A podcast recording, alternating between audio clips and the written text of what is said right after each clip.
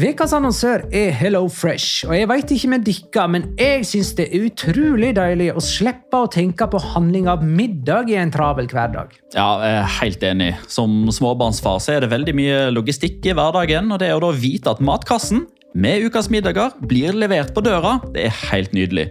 Da slipper du impulskjøp på butikken når blodsukkeret er lavt, og når du kommer hjem, kan du bare ta ut posen med dagens ingredienser fra kjøleskapet og sette i gang matlaginga. Ja, du kan velge mellom 25 ulike retter hver uke. Og de har faktisk en egen kategori som heter Raskt og enkelt, med masse enkle og gode oppskrifter. Veldig greit å ikke måtte ty til takeaway hver gang det er hektisk på jobb.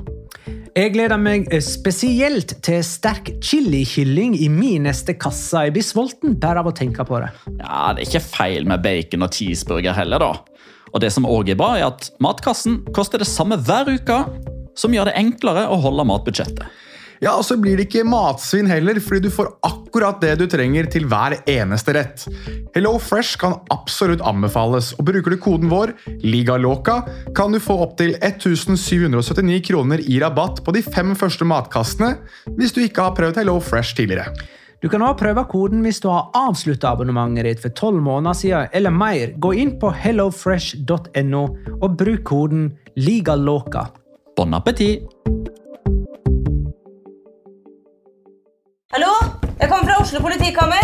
Ine Jansen er purk. Er du purk? The motherfucking bitch. Alt jeg vil, er å finne ut hva som skjedde med mannen min. Jon Carew. Er jeg sikta for noe? Iben Akeli. Det er du. Ole So, Lars Berrum og Big Daddy Karsten. Hvem sin side er du på, egentlig? Anette Hoff, Tone Danielsen, Kommer du fra Afrika? Jørnis Josef, Nesten. Kløfta. Trond Espen Seim. Det er synd å si det, men det var feil mann som døde. Purk.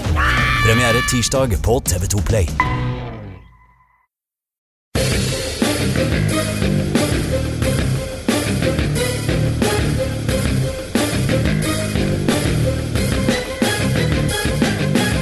Har du sett? Skal du slå Barcelona, må du skåre mer enn to mål før Messi blir bytta inn. Du kan skåre det tredje målet f.eks. når du kommer alene med keeper, eller når du angriper fire mot to igjen og igjen og igjen. Det klarte ikke Sevilla. Og så satte Barcelona inn Messi, og resten er historie, hakeslepp og nasegrusbeundring. La liga loca. En litt gærnere fotball. Hei! Jeg håper du fortsatt har en god påske, kjære lytter. Det er andre påskedag og sol i skinnet mens vi sitter i, inne i studio i uh, Oslo. I La Liga var kanskje ikke påskeveka eller påskerunden av det mest sprudlende slaget, men det er jo ei tøff veke for Champions League-lag, dette her. Sevilla og Barcelona møtte jo hverandre denne helgen før de skal ut mot henholdsvis Bayern München og Roma. Og så skal Real Madrid ut i Madrid-derby midt imellom kampene mot eh, Juventus. Så det er nok å snakke om for meg, Magnar Kvalvik. Hei. Og deg, Jonas Giæver. Hei. Hallo. Og Petter Wæland. Hei. God dag. Hatt en fin påske, gutta? Ja Øh... Det har du ikke, Jonas. Veldig Ja, jeg syns det har vært fin, jeg. Du har bare vært irritert og usosial og usosial. i dårlig humør og you name it. Du hadde en, du hadde en soaré nå nylig som eh, jeg da i, i min diett kom inn og delte av mitt glade vesen. Så det at du sier at jeg har hatt en dårlig påske, det, det er jeg ikke helt enig i. Jeg har mye tørr kylling og mye trening, men som, som sagt, Jesus døde på et tidspunkt der, mens jeg lever og har det meget, meget fint. Bra at du er i bedre humør nå, da. Vi setter pris på det. Jeg veit ikke helt hva de kan snakke om, men det får heller stå sin eh, prøve. Du var invitert, Du du. var invitert du òg, men du ga ja, tidlig beskjed om at du ikke kunne det var en fest. Jeg, jeg føler lytterne blir utelatt, i alle fall for viktige detaljer. Men det var en Soirée. fest. En fest som du, Jonas, egentlig ikke kunne være med på fordi at du har en diett som du må følge ganske strengt. Helt riktig. Mm. Det er to uker til. Men du kom inn Jeg kom med. på Kom. festen. Ja, jeg gjorde det. Jeg kom inn døra. Var der en halvtimes tid cirka. Og så gikk dere. Det var ikke jeg som, eh, Ja, vi gikk jo videre. Ja, det skjønner jeg veldig Ja. godt, for dere var eh, tørste, som det heter. Og så skulle jo vi egentlig spise på delikatessen da, men det var jo fullstendig uaktuelt. For du kunne jo ikke se på at andre spiste god mat. Det var, et, det var etter dag eh, Hva var det for noe? Dag seks av dietten min. Ja. Og lytterne her, jeg vet vel kanskje Jeg har jo sikkert Altså, De burde vite at jeg har null selvdisiplin. Så hadde jeg satt meg ned der, så hadde det jo blitt chorizo, manchego og gudene vet hva jeg hadde stappet i kjeften min den dagen der. Og ødelagt alt som er. Så, men nå er vi Dette er dag 15, så nå er det litt bedre. Har du gått ned noen kilo? Det har jeg. Hvor mye? Bare si det. Tre. Ja, tre kilo Mm. på 15 dager. Mm. Ganske bra. Nå skal vi snakke om uh, Sevilla mot uh, Barcelona. Sevilla leder 2-0 etter skåringa av uh, Vasques og uh, Moriel. Så kom altså Messi innpå. Han fikk vel drøyt en uh, halvtime. Uh, og det tok uh, riktignok litt tid før eh, det lykkes for Barcelona, men Suárez reduserte altså til 2-1. Var det sånn etter 87 minutter? Og så skåra Messi i det 89. eller noe? Ja, Det var i det 88. og i det 89. Jeg lurer på om det var, det var 52 sekunder mellom de to skåringene. Jeg var i Lustrafjorden i, i påsken uten nettdekning, så å si, så og uten TV-kanaler. Eh, så jeg har ikke sett noen kamper. Fortell meg litt om denne, da. Ja, jeg kommenterte den jo. Det var veldig, veldig morsomt. Eh, og så var det selvfølgelig ekstremt mye fokus før kampen på om Messi skulle spille eller ikke. Fordi Ernesto Valverde hadde jo sagt, eh, eller bekrefta på pressekonferansen dagen før, at Messi var skada. Ikke noe alvorlig, men såpass at han da ikke spilte disse landskampene mot Italia og Spania. Eh, han var med i en 18-mannstropp, eh, men han starta da altså på benken. Eh, og, og det som jeg syns var så veldig fascinerende med denne kampen, det er sånn et eget tema som vi vil inn på litt seinere. men uh, Sevilla får jo helt åpenbart litt sånn mer troa på dette her, når de òg registrerer at Messi ikke spiller fra start. Eh, og de I første omgangen så syns jeg det er relativt jevnt. Sevilla kanskje hakket bedre. Jeg syns det er helt greit at de leder til pause. Uh, er Piquet som er nærmest scoring for Barcelona helt på tampen. Eh, han er faktisk ikke så veldig langt unna å skåre med rumpa. Eh, for de som ikke så den duellen på bakre stolpe der. Eh, hadde han truffet reint på ballen, så hadde han jo skåra med høyrefoten, men han bommer jo, så treffer han rumpa på vei Jeg, ned. må få, jeg skjønte ikke hvorfor han ikke kasta seg inn med hodet der. Og, og bare får den inn Altså, Du skårer hvis han går inn med hodet der, så Ja, scorer ja, ja. Ramos hadde gjort det. Ja, ja, absolutt. Eh, men Franco Vasques sendte Sevilla i ledelsen. Eh, første gang jeg virkelig har liksom vært litt sånn små rysta over forsvarsspillet til Barcelona, med unntak av personlige feil, for dette var kollektivt grisedårlig forsvarsspill. Fordi Franco Vaske skårer fra seks meter har fem andre rundt og har seg. fem mann rundt seg, i tillegg til uh, Marc-André Ter Stegen, eh, som eh, han kan ta den, for å si det sånn. Han er vel så vidt innom Ja. den. Eh, Men eh, Franco Vasque skårer. Sevilla leder fortjent eh, til pause og kommer ut i 100 etter eh, pause. 2-0 ved Luis Moriel. Og kan skåre 3-0 ved mange anledninger. 3-0, 4-0, 5-0, 6-0. Altså det, det er Jeg satt der og så øh, sammen med Mathias Bernstrøm, og vi, vi satt Altså, jeg satt og hylte og skreik i sofaen min. Spill ballen, spill ballen, spill ballen. For gud hjelpe meg hvor mange ganger uh, Moriel og Navas, blant annet Jeg tror Miguel Lajon hadde i hvert fall EM. Hvor de bare kunne spilt ballen til venstre. Så hadde altså, en annen angrepsspiller eller en annen kantspiller vært vi åpen på mål, bare kunne tre inn 2-0, nei 3-0, og det er sikkert 4-0, 5-0, 6-0 også. Det, altså, det var helt latterlig hvor mange ganger uh, Sevilla var igjennom. Og jeg satt og sa at vet du hva, hvis, hvis Barcelona kommer tilbake her nå, så kan du bare legge ned hele Sevilla. Altså. For det er, dette her er så kamikaze. Men det, men det er jo uh, Altså, hvis man liksom Altså, hvis man uh, som Magnar er uh, av forskjellige årsaker ikke kan se kampen, Ja. og f.eks. bare går på Who Scored eller noe sånt, da, og, og ser på antall avslutninger og antall store sjanser til slutt, altså Ja. etter Ja, ja. 94 minutter, Mm. så, så kan man jo tenke seg hvis, altså, hvis man ikke veit når disse sjansene kom, og hvordan utviklinga var, og sånne type ting, så er det, så er det relativt jevnt, fordi. Luis. Suárez treffer stanga fra kloss hold, fordi Piquet har den store sjansen, fordi de skårer de to målene og faktisk ikke er så langt unna å, å skåre vinnermålet òg. Så ser du kanskje litt sånn Hm, men det er jo bortimot et påskemirakel at Sevilla ikke klarer å bare eh, sette den siste dobbeltknuten over hele dette oppgjøret og gjøre det helt umulig for Barcelona å komme tilbake igjen. Jeg sa jo det at Da Jesus Navas var igjennom, så sa jeg at der hadde han muligheten til å gjøre seg til Jesus av Navasaret, men det klarte han ikke. Truls Melbæk eh, spør eh, siden Barcelona skapte mindre, i alle fall eh, i store deler, eller før slutten av kampen, og slapp til flere sjanser enn normalt. Har det mye med, med Busquets å gjøre, både offensivt og defensivt? Det var jo Rakitic som spilte i sin posisjon. Ja, både ja og nei. Eh, altså, Ethvert fotballag savner Busquets. Eh, og, og spesielt andreomgangen mot Sevilla viser jo hva slags dimensjon han har i spillet sitt. For han, han hadde antageligvis klart å avverge ganske mange av de kontringsmulighetene som kom. Enkelt og greit ved at han er så ekstremt flink til å lese spillet, posisjonere seg riktig, være i stand til å bryte opp spillet eller gjøre vinkelen dårligere eller noe sånt, uten at det er noe kritikk av Rakitic. Eh, Men, men samtidig så, så ble jo kampbildet Altså, det, altså Alle kamper lever jo sitt eget liv, og kampen ble jo sånn den ble fordi Sevilla leda 2-0. Fordi Barcelona skjønte at her måtte de ta enda mer risiko. Sende både Alba og Sergio Roberto framover. Forsøke i enda større grad å få skåringer. Og hva skjer da? Jo, det åpner seg enorme kontringsrom for Mm. Sevilla. Som de var flinke til å utnytte i form av å skape målsjansene. Det som mangla for Sevilla, var jo den siste finishen for Ja. å få 3-0, 4-0 etc. Uh, samtidig så er det jo uh, Altså, etter 57 minutter det er, jo, da det skjer, det som til syvende og sist er helt avgjørende. For da, da kommer Messi innpå. Ja, ja. Eh, jeg nevnte det så vidt under kommenteringa, og jeg så det var flere som, som skrev på Twitter som, som enten sa seg enig, eller som, som skrev det på eget initiativ. At eh, jeg blir så fascinert over måten det mentale spillet i den kampen her bare endrer fullstendig karakter når Messi kommer Du snakket mye om det. Jeg, jeg hørte på kommenteringa, jeg òg. Jeg er enig, enig i det, men det er jo det er jo det da som jeg, som jeg snakket med veldig mange Jeg husker, Dette blir en digresjon, men jeg skal gjøre den kort. Da jeg gikk på, jeg gikk på SFO da jeg var liten, så var det, hadde de en polsk eh, lærer som var veldig sint fordi at eh, en eller annen trener ikke spilte Jeg tror det var Monaco ikke brukte Fernando Morientes i en kamp. Da Morientes var veldig, veldig god.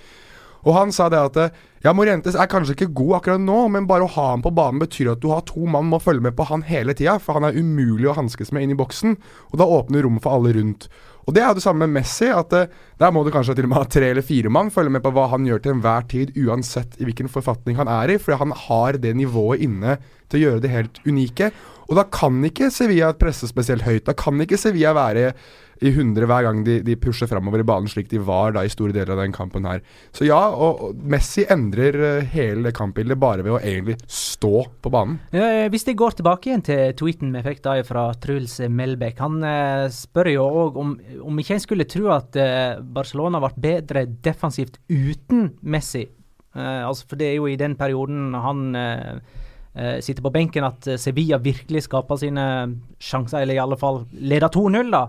Eh, men er det så enkelt? Blir ikke faktisk Barcelona bedre defensivt med han? De, de blir bedre totalt sett. Det er interessant, det der. For, ja, men det, det, Det var det veldig- veldig mange som var innom Ja, eh, i forbindelse med Spania-Argentina Ja, òg. fordi eh, altså, Spania vant jo 6-1 mot Argentina. Dette, dette har vi ikke snakka om fordi den kampen ble spilt dagen etter vi spilte inn forrige podkast. Eh, og, og da var det selvfølgelig sånn Ja, men Argentina mangler Messi.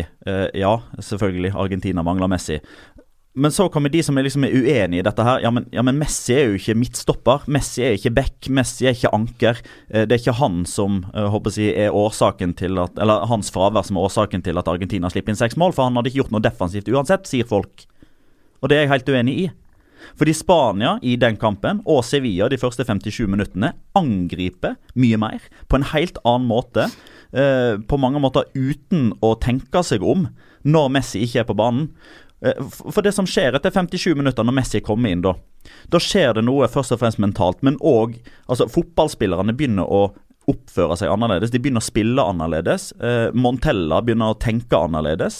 Spillerne til Sevilla ser på hverandre på en litt annen måte og tenker at ok, nå er Messi på banen. Så nå kan vi ikke gå med alle mann i angrep. Fordi hvis vi mister ballen, så har de verdens beste fotballspillere til å utnytte den feilen. Den risikoen løp de ikke de første 57 minuttene. Og da gikk de hele veien. Så, så selv om Messi er kjent for alt annet enn forsvarsspill, så er han faktisk en viktig dimensjon i det å forsvare seg, fordi angrepsspillet til motstanderen er helt annerledes med og uten Messi.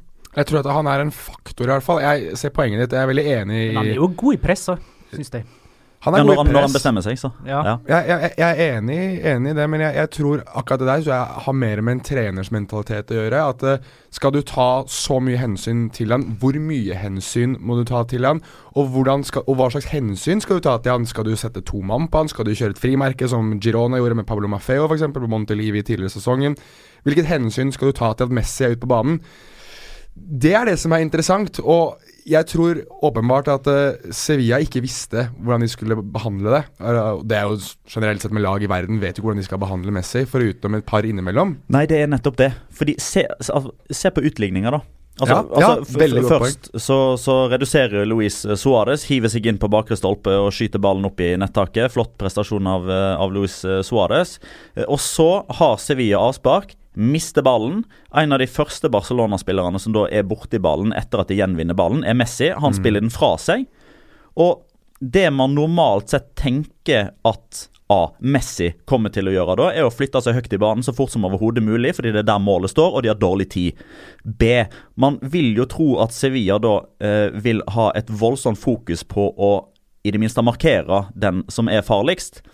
Men i likhet med Atletic i forrige serierunde, for da gjorde han akkurat det samme, så er Messi så smart at han, han bare avventer hele situasjonen. Sørger for at han kommer ikke inn i det ledige rommet for tidlig. For det er jo faktisk Coutinho som spiller en pasning. Det ser i utgangspunktet ut som at den kanskje er meint til Suárez, men han bare lar den passere. Dennis To- Suárez, eller? Nei, Luis Suárez. La, Ok, ja. den, la den ballen bare passere forbi.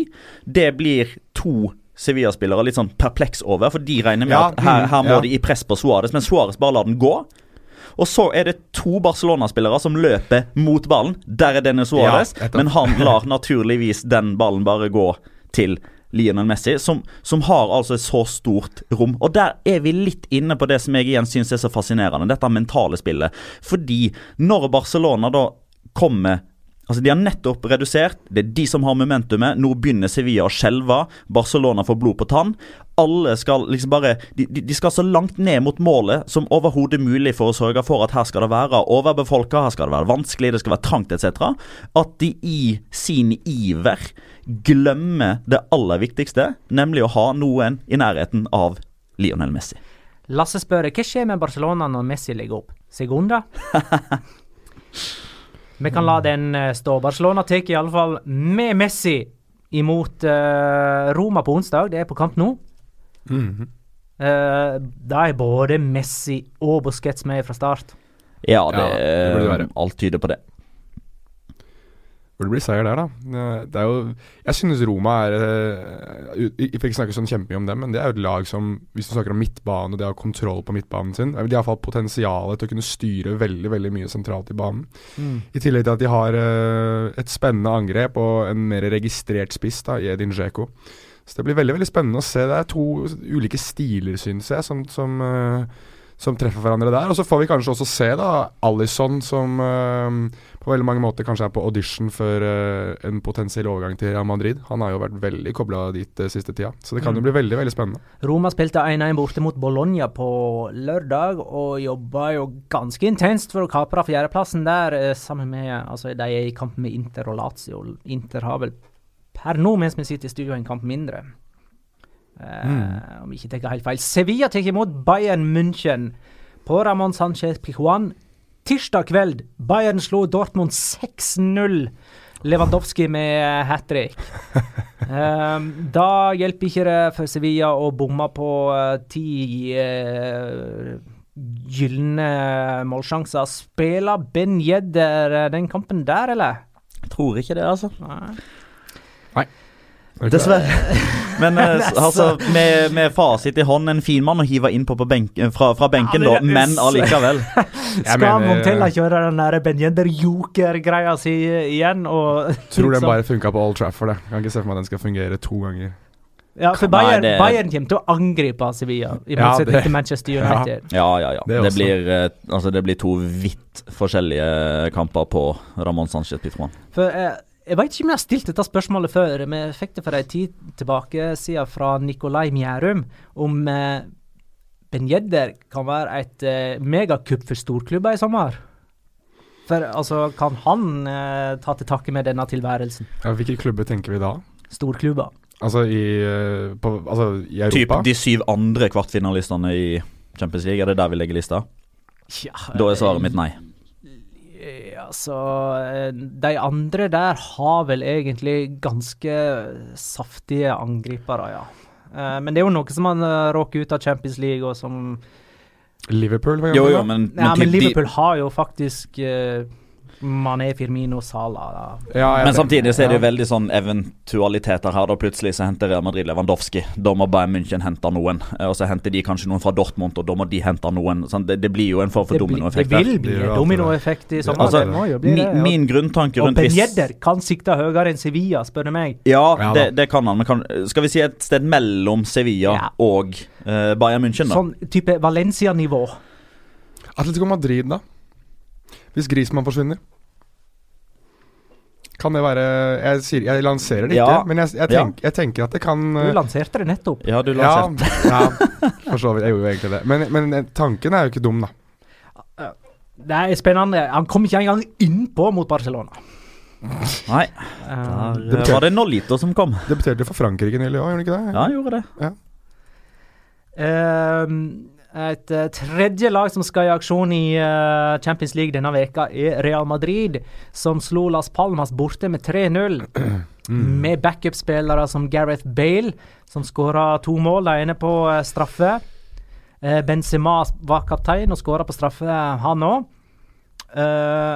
og Bale går vel ut igjen på laget, av laget, Mm.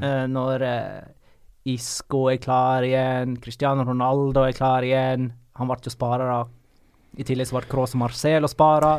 Ramos var ute med skade. Carvajal hadde karantene. Det var seks nøkkelspillere ute i den kampen. Det er vel ti mann som er mer eller mindre bankers på onsdag, og så er det den ene Eller på, eh, på tirsdag i morgen. Og, og, og så er det fire eh, Fire spillere som kjemper om den siste plassen, sånn som jeg ser det. Hvilken plass tenker du på du nå? Eh, Den siste i 4-3-3-en. Altså, Ja, altså, B, eh, B B for C. Benzema og C for Cristiano, og så blir det enten A, B, L eller eh, I. I. Du, kan vi ta en liten diskusjon om Isco Ja. etter at han briljerte sånn for Spania? Selvfølgelig kan vi det. Uh, for da har det vært mye snakk i spanske medier om at han ikke får den tilliten han fortjener av Zidane i Real Madrid, og, og hva skjer videre? Han sa vel det selv. At, eh, at det er go godt å komme på landslaget der jeg har uh, tillit og Har du bare lest overskrift nå? Jeg har uh, lest et par av sitatene som kom på, på Twitter. Jeg har ikke lest hele Nei. saken som kom. Nei, men uh, altså han sa, han sa det, men han sa litt til, som enkelte ikke har fokusert Ja, det- like mye på. Det er veldig mulig å Og han, han har jo da sagt Twitter, at liksom. det, kanskje er det min feil at det ikke har blitt ja, bra. typ like mye protagonisme, altså protagonisme, som han uh, brukte uh, for Real Madrid. Men uh, igjen så er det litt sånn Altså, nå, nå er det kanskje litt mm, Altså Det er kun én spiller siden Zidane overtok, som har spilt mer enn Isco. Isco har spilt nest mest av alle Real Madrid-spillere etter at Zidane Mm. kom. Så, så hvor denne manglende tilliten kommer fra, det, det veit jeg ikke helt. hvem er nummer én? Jeg fikk lyst til å vite det. Eh, du, det skal jeg finne ut. Ja, Men ta det her første du skulle si, poenget ditt, før jeg avbryter deg. Nei, altså Poenget mitt eh, kom jo altså med disse såkalte manglende sjansene. Jeg skjønner ikke helt hvor det kommer fra. Han har spilt nest flest av alle. Han starta Champions League-finalen. Nå, eh, nå er det kanskje litt sånn et par kamper her og der, men alle har jo vært litt sånn inn og ut av laget. Eh, altså Hvis det skal være like polariserende enn Cristiano Ronaldo, så har han blitt vraka i tre bortekamper på rad. Alle skjønner at han blir spart. Alle skjønte at Isco ikke spilte noe på lørdag fordi han var skada. Han fikk en liten smell i landskampen mot Argentina. Eh, og, og, og allikevel, hvis han ikke starter på tirsdag, så er det jo ikke dermed sagt at Zidane ikke tror på den. eller sånn. Da, da mener Zidane at Isco ikke er den beste av de fire gode alternativene. For nå er det jo en gang sånn, dette har vi diskutert ganske ofte. Eh, hvordan passer Isco inn i måten Real Madrid spiller fotball på? Eh, Ja. Noen har billedlagt det, riktignok litt eh, overdrevet, med å uh, poste et bilde av en kappgjenger og sagt at dette her er Isco når Real Madrid kontrer. For, for, Isco er ikke den raskeste spilleren med ball. Ergo, sånn rent svart-hvitt, da, så passer Isco bedre inn i Spania sin måte å spille fotball på enn Real Madrid, fordi man veldig oftere etablerer med ro, med flere touch, med flere pasninger, flere kombinasjoner. Man bygger relasjoner på en litt annen måte, men det betyr ikke at Isco er ikke blant de elleve beste spillerne i Real Madrid av den grunn, men akkurat eh, i morgen, på Allianz eh, Stadium, eller Juventus Stadium, så kan det hende at Zinedine Zidane mener at det er best med Lucas Vasques. Eller det er bedre med Ascencio. Eller det er bedre med Bale. Startet jo finalen da, mot uh, Juventus. Ja, det sa jeg. Isco. Ja, Ja. Mm, og, og da var han jo veldig, veldig god òg. Han er som regel veldig, veldig god. Ja, men jeg tror, for, for å snakke om eh, poenget Bale mot Isco, så syns jeg det er interessant nå å se Um, vel Guillaume Ballagé blant annet som sa det at nå har Madrid bestemt seg for at uh, altså, Hans ord er jo ikke nødvendigvis uh, lov hele tiden, men, men at Real Madrid nå virkelig er, er klare på at de har lyst til å, å selge Bale til sommeren. Og jeg tror noe av det kanskje er for at de skal finansiere en, en spiss som et alternativ eller som en erstatter, alt ettersom hvordan du vil se på det, for Karim Benzema. Men, Men samtidig så tror jeg det også betyr det at nå skal Isco og Ascencio også dyrkes kanskje litt mer i litt større grad, og at det, er litt mer rom til, til Isco da, i, større grad uh, enn det det har vært tidligere. Og jeg er veldig enig i det du sier der, Petter, om at det, jeg synes Isco er den som på veldig mange måter uh, er en plan A eller plan B, alt etter hvordan du ønsker å se på det. Han endrer alt hvordan Real Madrid spiller. da. Det, det blir mer Uh, det blir mer småspilling, det blir mer pasningsfokusert. Det blir uh, som regel mer overtall i motstanderens, bane, banehalvdel. Du får en som, en som, kan bryte ledd ved å, ved å forsere, samtidig som man kan spille igjennom. Han er, han er, på mange måter den spilleren jeg synes som er mest kreativ i Real Madrid, lengst fram i banen, da, hvis, hvis, du skjønner hva jeg skal, skal hen. Jeg synes Modric kanskje er mer pasningssikker, men jeg, han er ikke like god i det småspillet lenger fram i banen som det Isco er, og det som vi mest sannsynlig kommer til å se mye av i, i VM med, med, Spania også. Det bringer jo Isco med seg inn i Real Madrid òg, men jeg er litt usikker på om han per nå er, er, den spilleren som passer best inn i spillestilen til Zidane, da, uh, på, på, lang sikt. Og, og, nå må jeg jo Nå er det jo en gang sånn vi har pratet om det her mye òg, men er dette Zidanes siste sesong eller ikke? Nei, altså Nå begynner jeg å lure litt på sånn som ting fungerer, fungerer nå. Hvis, hvis, de vurderer å selge Gareth Bale, uh, hvis han tar seg videre til semifinalen i Champions League, hvis de spiller Champions League neste sesong Tja, kanskje, kanskje, kanskje Florentino Perez for en gangs skyld er litt sånn Ja, det var, en, det var en dum sesong, la oss prøve på nytt en, en gang til. Hvis det er dårlig et sesong til, så, så må du gå. Eh, Kommer Madrid-derby til å bli litt nedprioritert midt, imellom, midt imellom Juventus-kampene? Det. Det tror jeg. Det spørs jo hvordan det går i den første kampen. nå Hvis de, hvis de mot formodning skulle vinne 3-0, uh, da er det bare å gønne på igjen i El Derby Madrid. Vinner ikke 3-0 i Torino. Hvis, ja. var det noen som sa. Ikke, det kommer jo litt an på hvordan det går i den første kampen. Ja. Jeg tror de vinner 2-1, jeg. I Torino? Ja. Jeg tror de vinner det. Jeg tror Juventus ikke er gode. Tror det er mer prekært for Atletico Madrid sin del, med tanke på at de har kun 12 eh, tilgjengelige utespillere per der, eh, ja, Eller 14 nå, da, siden to av de bare var suspendert. Men, eh, men for å avslutte Isco, da. Eh, Lukas Vaskes er den som har spilt aller flest kamper. Han har spilt 109 okay. kamper under Zidane. Isco og Cristiano Ronaldo 105. Yes. Det er topp tre. Uh, og um, Fascinerende statistikk, du. Ja da. Uh, det er jo fordi Lukas Vaske spiller alle Inntrykk og statistikk, de, det er to vidt forskjellige ting, det. Jeg husker det var li litt det samme med Asier Jaramendi. For han, var, han, ble jo fullstendig ødelagt, han i Real Madrid, for han aldri spilte noe. Han spilte fjerde flest kamper. Uh, problemet for hans del var at han aldri spilte når de toppa laget, men det gjorde de ganske sjeldent. den andre tingen er altså Når Isco spiller for Spania, så vet alle hvordan Spania spiller. Spania spiller sånn som Spania spiller. Når Isco spiller for Real Madrid, så er det litt vanskelig å vite hvordan Real Madrid spiller, fordi de har ikke en klar definert spillestil. De bytter formasjon, de bytter taktikk, de eh, ja. agerer litt ut ifra hvordan motstandere er osv. Veldig mye rotasjon på laget. Yes. Skal Isco være den bastante nøkkelspilleren som Isco-fansen ønsker at han skal være, altså at han skal være en av de tre første som blir tatt ut på laget hver gang, da må han spille falsk nier. Det er der han er best. Eh, men uh, Kroos, Marcelo og Ronaldo er tilbake. Isco og Ramos òg. Svar ja. Ja, svaret ja. Og Carvahal hadde jo karantene mot Las Palmas, så han er jo tilbake òg. Eh, apropos Las Palmas, de har jo en karismatisk trener, Paco Gemes. Eh, sa ikke han nå nylig at Las Palmas er det dårligste laget han har hatt? Det svaret ja. Kenneth spør. Kan jeg spørre, blir Paco Hemes med ned, eventuelt? Eh, for han er vel derfra eh, og ønsker å hjelpe deg opp igjen, eller? Hvis eh, Las Palmas skulle rykke ned. De eh, ligger på 18.-plass, sju poeng bak trygg grunn. Levante ligger på plassen over. Jeg tror det, jeg. Jeg tror uh, Altså, han kom jo, han kom jo rett, etter, rett, etter, jul. Eller tok i hvert fall Han var vel trener litt kom i juleperioden. Så jeg mener jo det at han har vel ikke signert kun for, for seks måneder. Det ville vært litt merkelig, synes jeg, når utgangspunktet var så dårlig som det var. Eh, jo, nesten alle gjør det. Altså José Gonzales i Malaga gjorde det, Cedorf har gjort det, Paco Remes har gjort det. All, eh, han som har nå tatt opp Levante, altså Paco Lopez. Alle signerer Men, som regel ut sesongen med opsjon for forlengelse hvis de holder okay. seg. Fordi den lønna som Paco Hemes har nå, da, for eksempel, den kan han ikke ha i Segunda. Nei, sånn, nei, De har nei, nei. ikke fallskjerm. Så det er det klubben som garderer seg. Ja, ja, sånn, ja. ja jeg er enig med deg. Jeg, tenkte jeg, Med unntak av Clarence, Clarence Cedorf her, så er vel nesten alle de du nevner, har vel blitt uh, Er vel folk som har fått hovedtrenerjobben etter å ha trent reservelag, ungdomslag osv. Uh, Paco Hemes og Clarence Sedorf er vel de eneste som har kommet utenfra og tatt jobber. Ehm, men ja, nei, altså fallskjermen er jo ikke, er jo ikke til stede. Men jeg, jeg tror for hans del så tjente han vel veldig bra. Så jeg vet at i meksikansk toppserie så betaler de trenerne sine veldig, veldig bra. Så han er vel en av de som kanskje har utgangspunkt til å kunne si ja, jeg tar en sesong med Las Palmas i, i Segunda, og så ser vi om, om vi får de opp.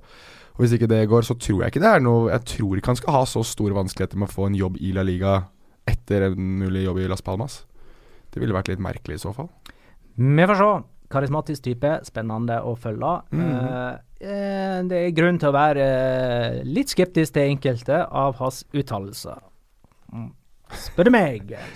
Eh, vi må snakke litt om lag nummer to og fire på tabellen. Atletico og Valencia skal ikke ut i Champions League eh, denne veka, så nå forlater vi Champions League-snakket. Atletico skal ut i Europaligaen mot Sporting fra Portugal. De slo Deportivo nå i helga 1-0 etter eh, en straffeskåring fra Gameiro. Eh, det er tynt med spillere på dette Atletico-laget for tiden. Hvordan er ståa nå før Europaligakampen, eh, Petter? Altså, Og for så vidt Madrid-derby òg, da. Ja, altså Antoine Griezmann og Vitolo var jo suspendert. Henholdsvis fem gule og utvisning eh, mot Viareal. Altså de er jo tilbake igjen. Det er ingenting som hindrer de i å være klare til eh, verken Europa League eller eh, La Liga.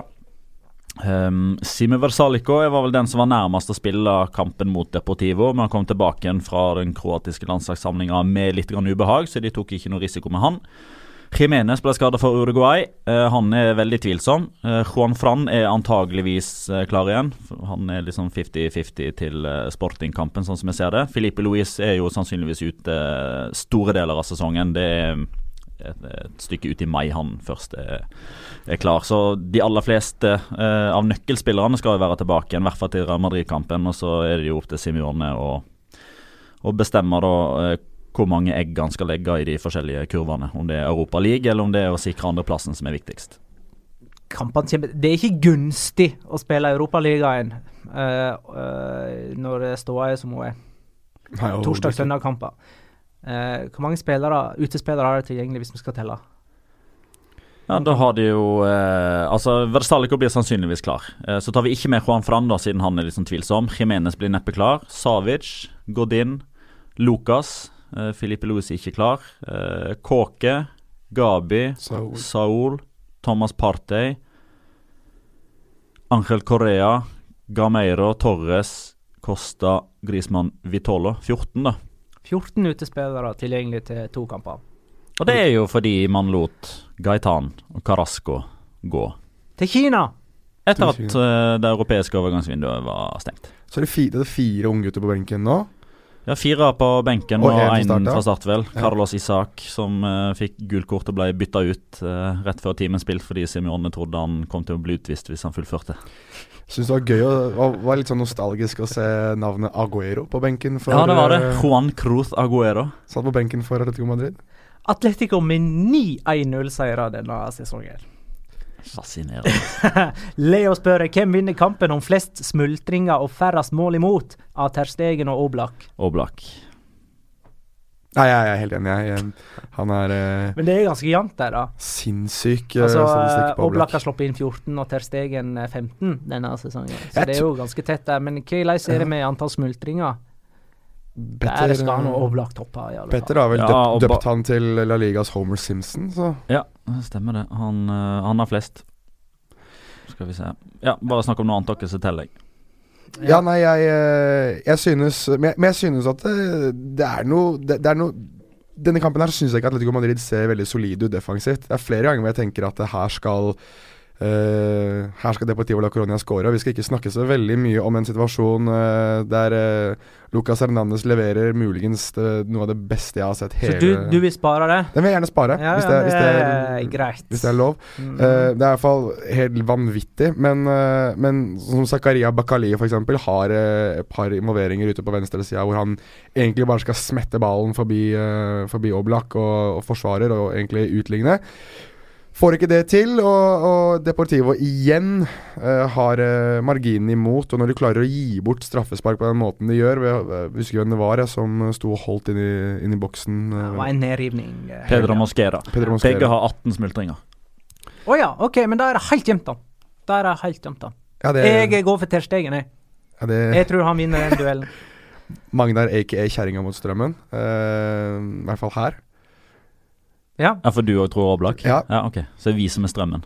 Ja, Vi er strømmen. Ok. Dere er sitter i grått og rødt. Tok du han? Jepp. Greyhound. Ja, ja, så ja. Mm. Leganes Valencia 0-1. Eh, Rodrigo Moreno skåra for uh, Valencia, uh, som etter sitt tøffe program og sine vanskelige motstandere i, i januar og februar, der de hadde Copa del Rey og, og serie og, og gikk på mange tap og den slags, så har de nå åtte seriekamper på rad uten tap. Sju seire, én uavgjort.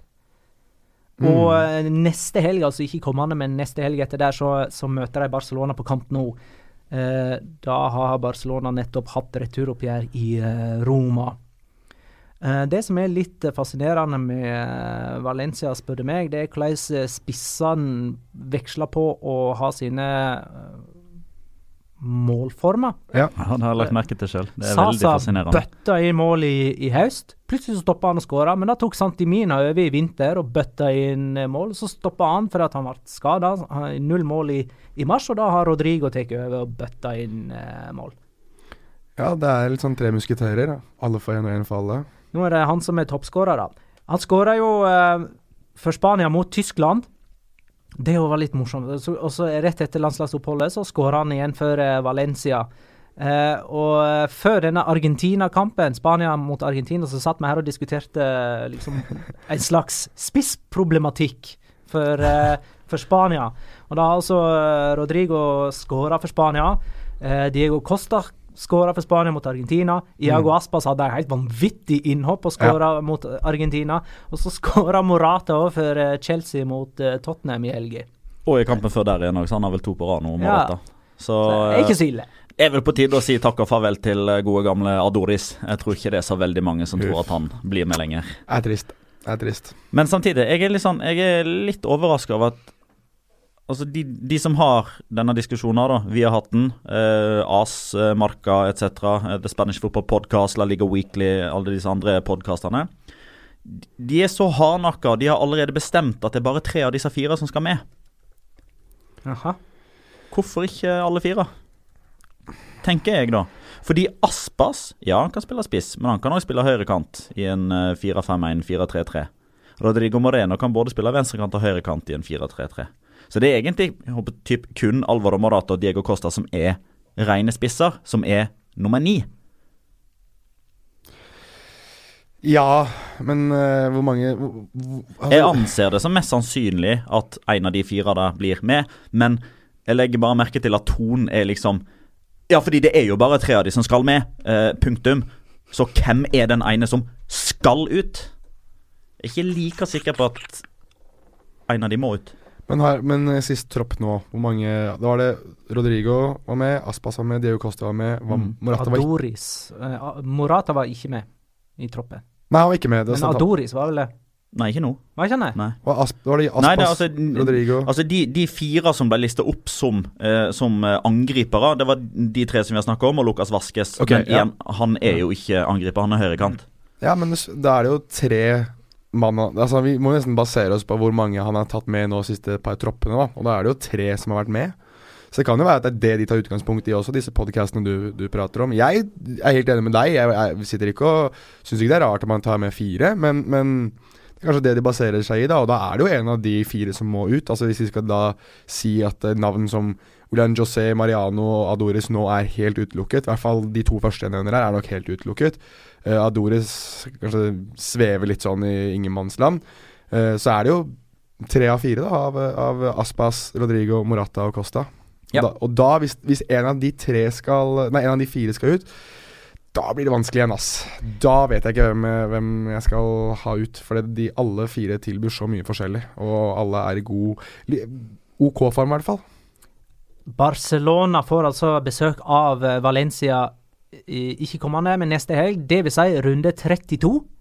Og det er den magiske runden for Barcelona å prøve å unngå tap i for å tangere rekorden til Real Sociedad. Ja. Men eh, Ja, men, ja, øh, men da vil de òg ta La Liga-rekorden generelt i kamper uten tap, som jo er en enda større prestasjon, vil jeg si. Ja, ja, det er greit, men jeg, jeg syns det er greit å forholde seg til eh, sesongstart og, og, og ut. Altså det å ta en sånn rekke over to sesonger er ikke så moro, syns jeg. Ok. Så, eh, og der er altså rekorden fra å gå ubeseira fra sesongstart og inn i sesongen, så er det Real Sociedad som har den på 32 kamper. Barcelona ligger nå på 30. For Leganes sin del, det var jo de som tapte her mot Valencia. Hvor hen havna deres trener Asier, Garitano etter denne sesongen? For han er ikke Leganes-trener neste sesong. Sannsynligvis ikke, men ehm, altså AS har en journalist som er veldig dyktig på, på Leganes, som heter Javier Martin. Uh, han skrev For et par uker siden så, så skrev han noe i nærheten av det du sier, med at uh, han er nok inne i sin siste sesong fordi han har så mange tilbud. Uh, men så skrev han òg nå i midten, slutten av eh, forrige uke, sånn typ torsdag-fredag, at de tilbudene han har fått til nå, har ikke frista han sånn kjempemye. Så nå er det heller ikke helt utelukket at at han blir med videre. Eh, men det er klart at det, det er det er veldig mange trenerjobber egentlig som er litt sånn enten usikre, eller der man på mange måter har hogd i stein at det, det må komme en endring nå i, eh, i, i sommeren. Altså vi har eh, José Luis Mendilibar i Eibar, som ikke nødvendigvis blir med videre, fordi han er aktuell for både Real Sociedad og Atletic. De to basketklubbene er òg blant de som er inne i kampen om Asia Garitano. Eh, Español og Kike Sanchez Flores eh, de kommer til å ta ut permisjon. Det er et ekteskap som ikke fungerer i det hele tatt. De snakker ikke sammen og er sure på hverandre hele tida. Eh, og så sitter jo eksempelvis uh, Abelardo på en kontrakt ut sesongen. Uh, ting tyder jo på at han forlenger. Hva skjer med Levante og Paco Lopez? Det er i utgangspunktet en nødløsning ut sesongen. Samtidig så um, vet man aldri hva som skjer. Plutselig så um, er det en engelsk eller italiensk klubb som kommer og henter Kike Setien eller Pablo Machin eller sånn, så det er fortsatt mye som kan skje. Men Garitano har ganske mye å velge mellom. Skal vi se litt på de andre kampene som ble spilt denne eh, runden? Jeg kan eh, først ta toppen. da. Barcelona eh, leder altså ni poeng framfor Atletico Madrid, men har de òg på innbyrdes, så det er jo egentlig i praksis ti poeng det der. Fire poeng bak Atletico kommer Real Madrid, som kan ta opp kampen om den andreplassen med en seier i Madrid-derby kommende søndag. Poenget bak Real Madrid ligger Valencia. Eh, det Marcelino har fått til der, er mektig imponerende. 15 poeng ned til eh, Villarreal nå. Ja, Ja. De spiller Champions League neste sesong. Så i, i høst så tok jeg feil. Armene opp i været. Jeg hadde rett. Girona Levante 1-1. Alex Graney skåra kanskje rundens mål. Det var ikke så mange å velge mellom, men Nei. det var fint. Det var en litt tørr runde hva angår uh, mål. Altså Den beste kampen denne runden var definitivt Sevilla-Barcelona. Mm. Det var vel den vi hadde størst forventning til òg. Morales utligna for uh, Levante, noe som betyr at uh, Girona har sluppet inn mål på heimebane denne sesongen, hadde jeg nær sagt. Det har jeg for så vidt gjort tidligere, men de hadde altså seks strake heimeseiere på rad, uh, uten baklengs, før Levante kom og, og skåra. Av alle ting Levante. Girona er bare tre poeng unna femteplassen.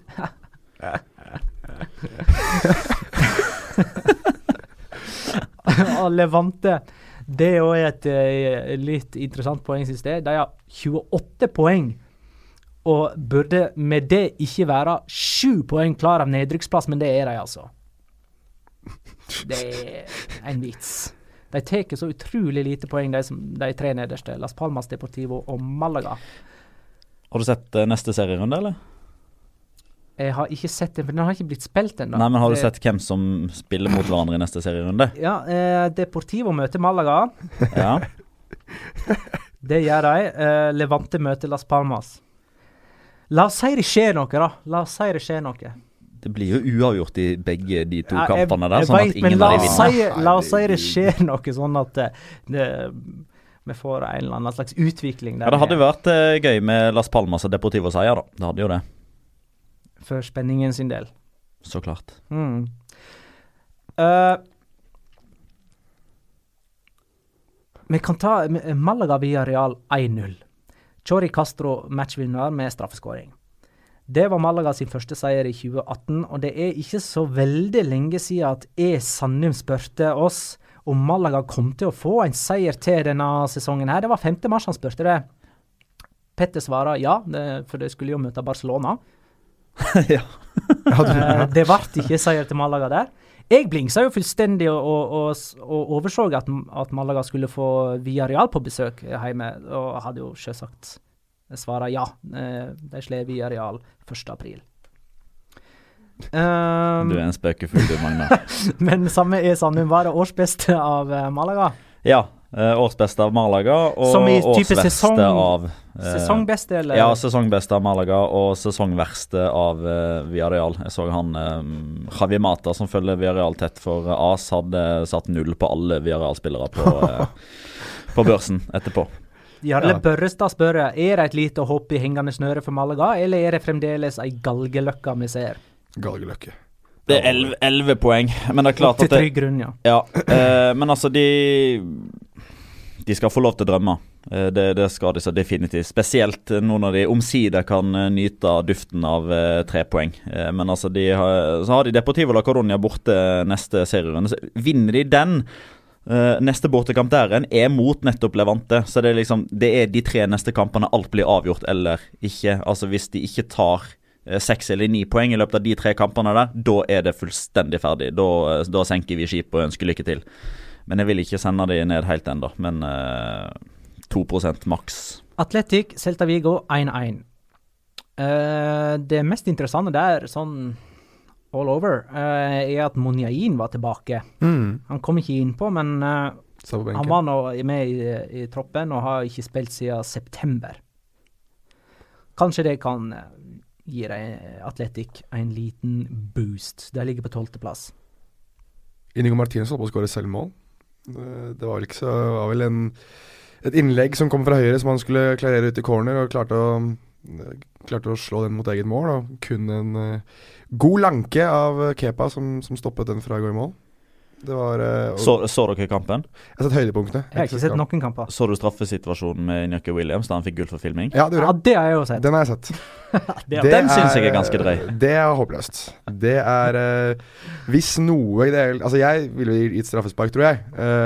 Men hvis noe, så er, lar du i hvert fall spillet gå. Det er ikke, det er ikke filming. Ja, men det, det liksom, he- Hele den situasjonen der var eh, Den var så Jeg vet ikke hva for et ord jeg skal bruke. Eh, surrealistisk. jeg har brukt eh, fascinerende ganske mye i dag. Ja, ja surrealistisk. Altså, først er det jo situasjonen. Altså Når du ser den eh, i, i spill så jeg var, jeg var jo jeg var på vei ned til tastaturet jeg for å tvitre at Atletic fikk straffe. Eh, så eh, klar så den ut, og du ser at Del Tedo Grande løper liksom den veien, sånn som dommere pleier å gjøre når de eh, skal eh, peke på straffemerket. Og så ser du Injaki Williams går inn i en påskeaftenbønn eh, og, og bare spør sånn Ami? Nå! Nå! Ami! Og spør liksom Hæ, til meg? Til meg? Eh, og han sitter liksom nede i kanskje sånn 10-15 sekunder. Atletic-spillerne flokker seg rundt. Dommer bare står der og venter til han reiser seg. Opp med det gule kortet, og løper unna! Vekk med det. Ja.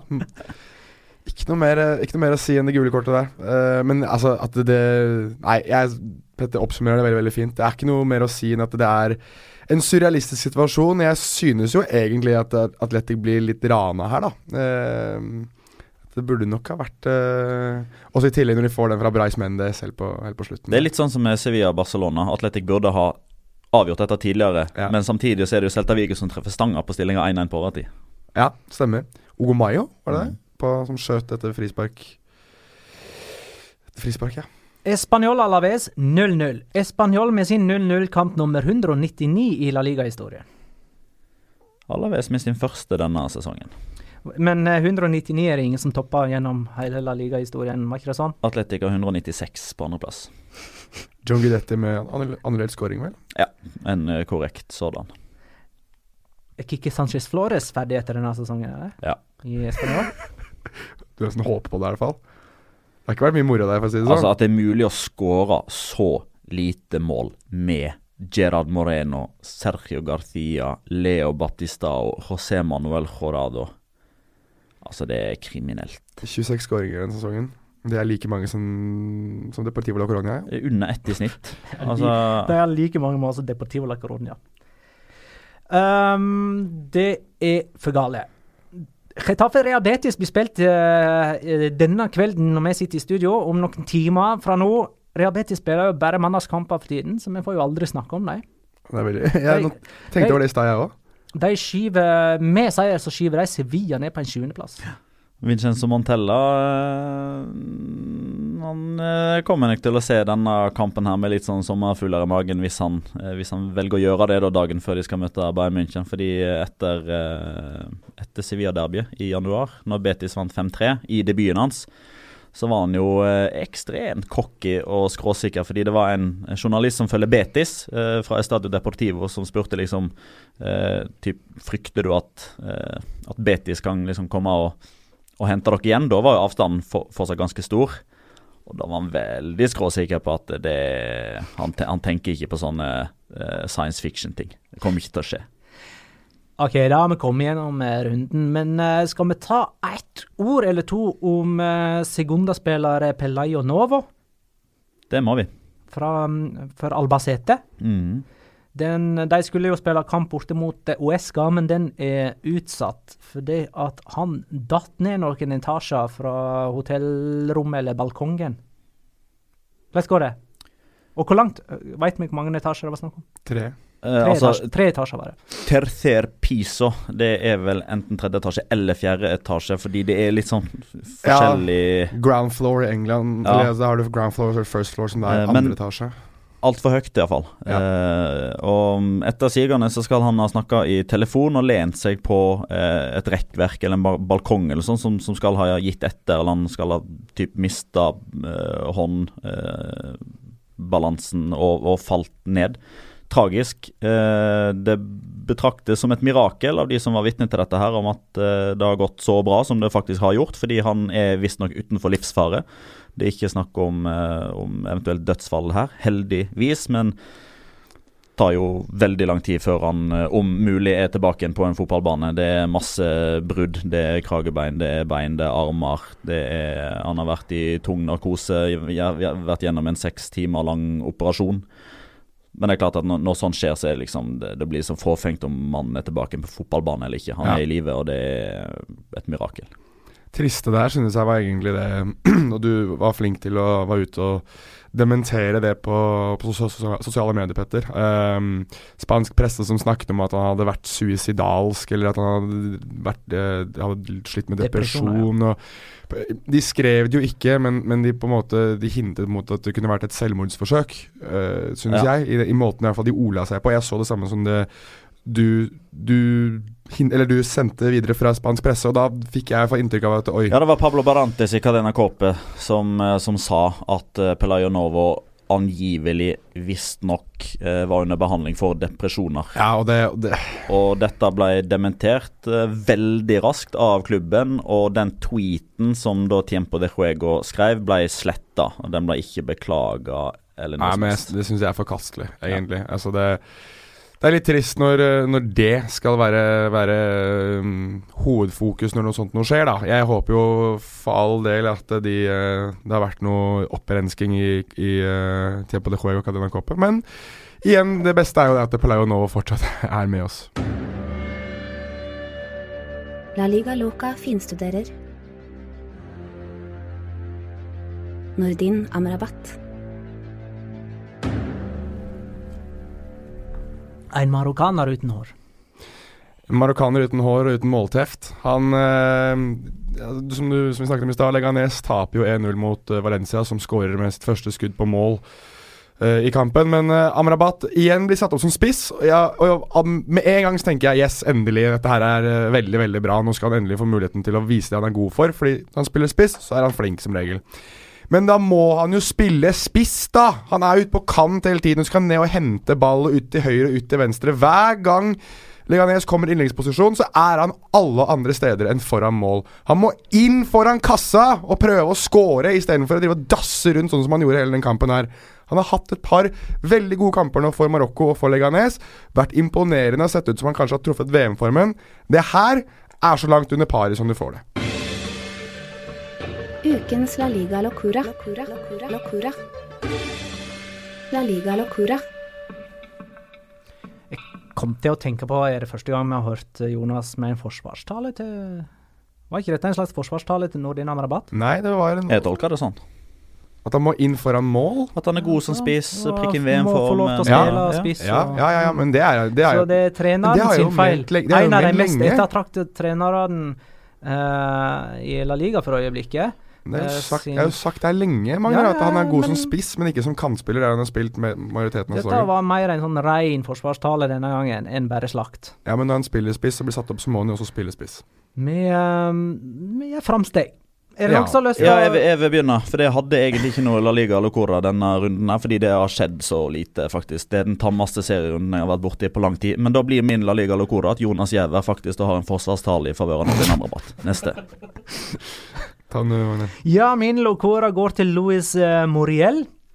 Uh, dette her har for så vidt samla seg opp over tid. Jeg glefsa jo litt på Twitter for en tid tilbake, da Moriel fikk starta begge kamper mot uh, Manchester United på bekostning av uh, Ben Jedder, og jeg mente at hvis Montella kom til å starte med Moriel òg mot i kvartfinalekampene, så måtte vi vurdere hans motiv eh, i eh, så måte. Og, eh, jeg står ved det. Moriel er for meg et eh, paradoks. Altså Med alle de sjansene han får, er det utrolig at han ikke skårer flere mål. Men med de avslutteregenskapene han har, er det utrolig at han har skåra så mange som eh, sju. Uh, har jeg merka avslutningsteknikken hans? Det, uansett om man prøver å skyte hardt med strak rist, eller med innsida av foten for å plassere ballen, så sklir ballen av eh, foten uansett. Det blir sleivtreff uansett. Og det ble skåring mot Barcelona utelukkende fordi den gikk innom Nemlig. Da får han ballen omtrent på straffemerket, og da skal han breisida prøve å plassere ballen. Og han skyter midt på mål! Og den hadde altså ikke gått inn om ikke Omtiti hadde endra retning på han. Han er den dårligste til å heade i La Liga. Eh, den redningen De Gea hadde på Ramón Sánchez Pijuan, den var bra, men headingen var helt jævlig. Eh, og han hadde en ny en nå eh, mot Barcelona fra sånn fem meter. Han klarte å heade utafor eller et eller annet. Eh, og den, han skåra for Colombia mot Frankrike. Det han. Det var et innlegg. Ja, helt enig. Du kan godt si det var et bra innlegg, men det er en ræva avslutning. Ja. Eh, og mål ble det. Han har en egen evne til å skåre møkkamål, men han er ikke god nok. Han er ikke god nok. Neste sesong så skal vi ha For det- da er jo Nordin Amrabat tilbake i Watford antageligvis og skal ta Premier League med storm igjen. Da må vi ha eh, finstudere Louise Moriel. Det er ikke umulig, det. Sånn som Magnar slakter han og har slakta hele sesongen. Han må være den dårligste avslutteren i La Liga-historien som har klart å skåre sju mål på én sesong. Det er jo for så vidt en interessant egenskap. Mm. Jeg har ikke noe statistikk som motsier det. Nei, jeg har ikke det heller, egentlig. Vær så god, Jonas. Ja, Da må jeg snu PC-en min eh, mens jeg gjør det. Vi Jeg kan gå gjennom den her sammen. Altså, Lucas Hernandez, mine venner. Han eh, leverer da kanskje tidenes takling i kampen mot Deportivo eh, La Coronia. Dette er da Søk opp Lucas Hernandez Deportivo La Coronia, så får du det opp med en gang. Fordi gud hjelpe meg, ballen er forbi han. Borja Valle har fri bane inn mot mål.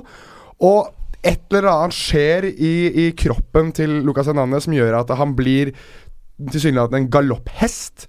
Løper opp Borja og leverer eh, den, sklit, altså den beste sklitaklinga jeg har sett på denne siden av 2000-tallet. Jøye meg for en takling det er! Og den er ren. Og det morsomste med hele er det at det, vanligvis så ser du midtstoppere i dag feirer gjerne at de, de gjør noe sånt. At de eh, Davidson Sanchez og Jeremina for eksempel, for, for Colombia gjorde det mye mot, mot Frankrike. Nei da. Lucas Hernandez reiser seg opp, tar en sånn der, litt sånn arrogant blikk bort på Borja Valle, og så bare spankulerer han bortover banen. Veldig stolt av seg selv, åpenbart, men ikke noe feiring, ingenting. Arrogant, nydelig. Helt perfekt. Uh, vet du hva? Uh, nå skal du få en utfordring. Ja. Uh, for jeg vet at du er Jeg vet ikke om du er glad i det, men du er ofte på ei tredemølle nå. Det er jeg. Kan ikke du stille den på 34 km i timen Ja, jeg- og få noen til å filme? Ja, jeg, jeg tenkte på det samme. For det, det, morsomme med det var jo det at han i produserboksen eller bussen til La Liga, så må, må jo han karen som har produsert hele sitt Få opp statistikk, få opp statistikk! For at rett etter at han hadde gjort dette løpet sitt, Ja, kom kom halvt, halvt minutt etterpå. ja, så kom det opp statistikk på den som hadde, den som hadde kjappest toppfart i eh, den kampen her. Og Lucas Hernandez opp på 34 km i timen. Den ble klokka inn 30 sekunder før, det kan jeg love dere. Lykke til, Jonas. Kanskje det er utfordringa hvis jeg taper tippekonkurransen som kommer nå? Ja, det var det jeg begynte å tenke på, at eh, kanskje du skal få springe 34 km i timen på ei tredemølle hvis du taper? Den utfordringa tar jeg faktisk. Da må vi ha sånn madrass bak. For jeg har sett Ja. mange sånne YouTube-videoer med folk som snubler på altfor høy hastighet på i tredemølla. Ja, men Altså går bang rett i veggen. Ja, men Hvis jeg starter på litt lavere, og så jobber meg Nei, opp til 34 nei, Nei, får nei, nei, nei, Du skal stå breibeint Ja. eh, over tredemølla mens den speeder opp til 34 km i timen, og så skal du hoppe på. Ja, men, han- men, men han får lov i typ kanskje to sekunder, bare for å få i gang beina. Så kan, han skal så få kan lov til å varme opp.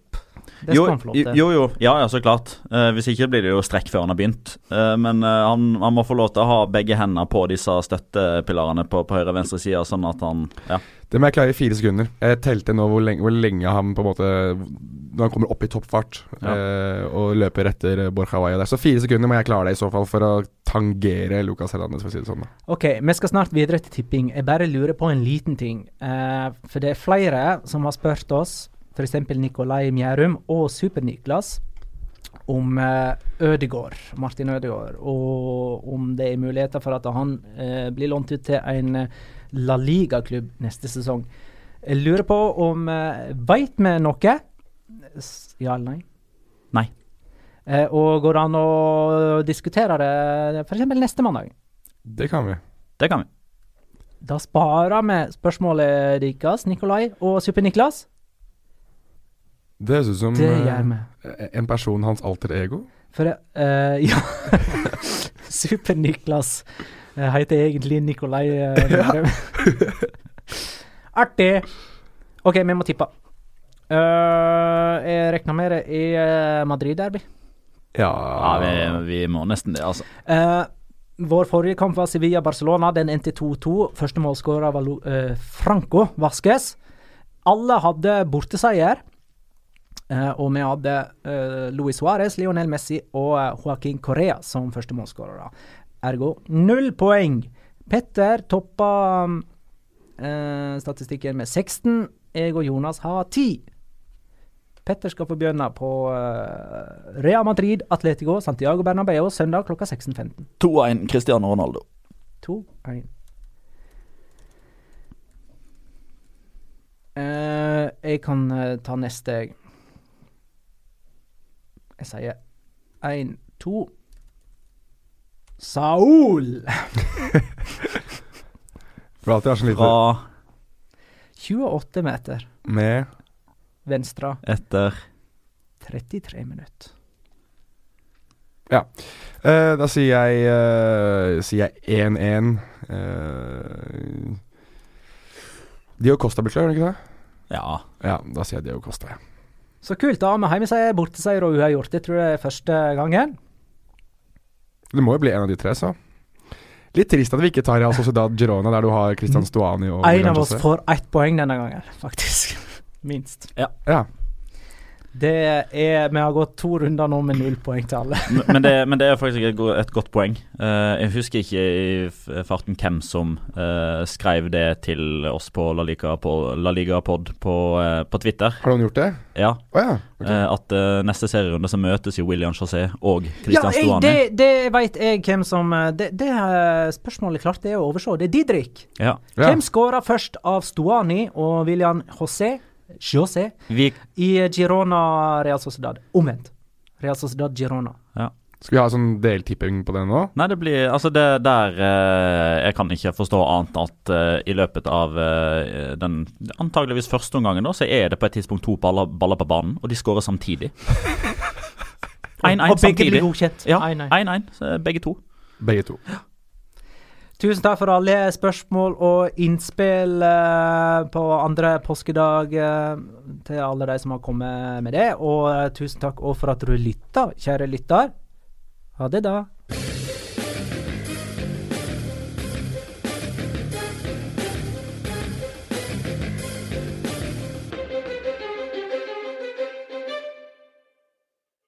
Har du et enkeltpersonforetak eller en liten bedrift? Da er du sikkert lei av å høre meg snakke om hvor enkelt det er med kvitteringer og bilag i fiken, så vi eh, gir oss her, vi.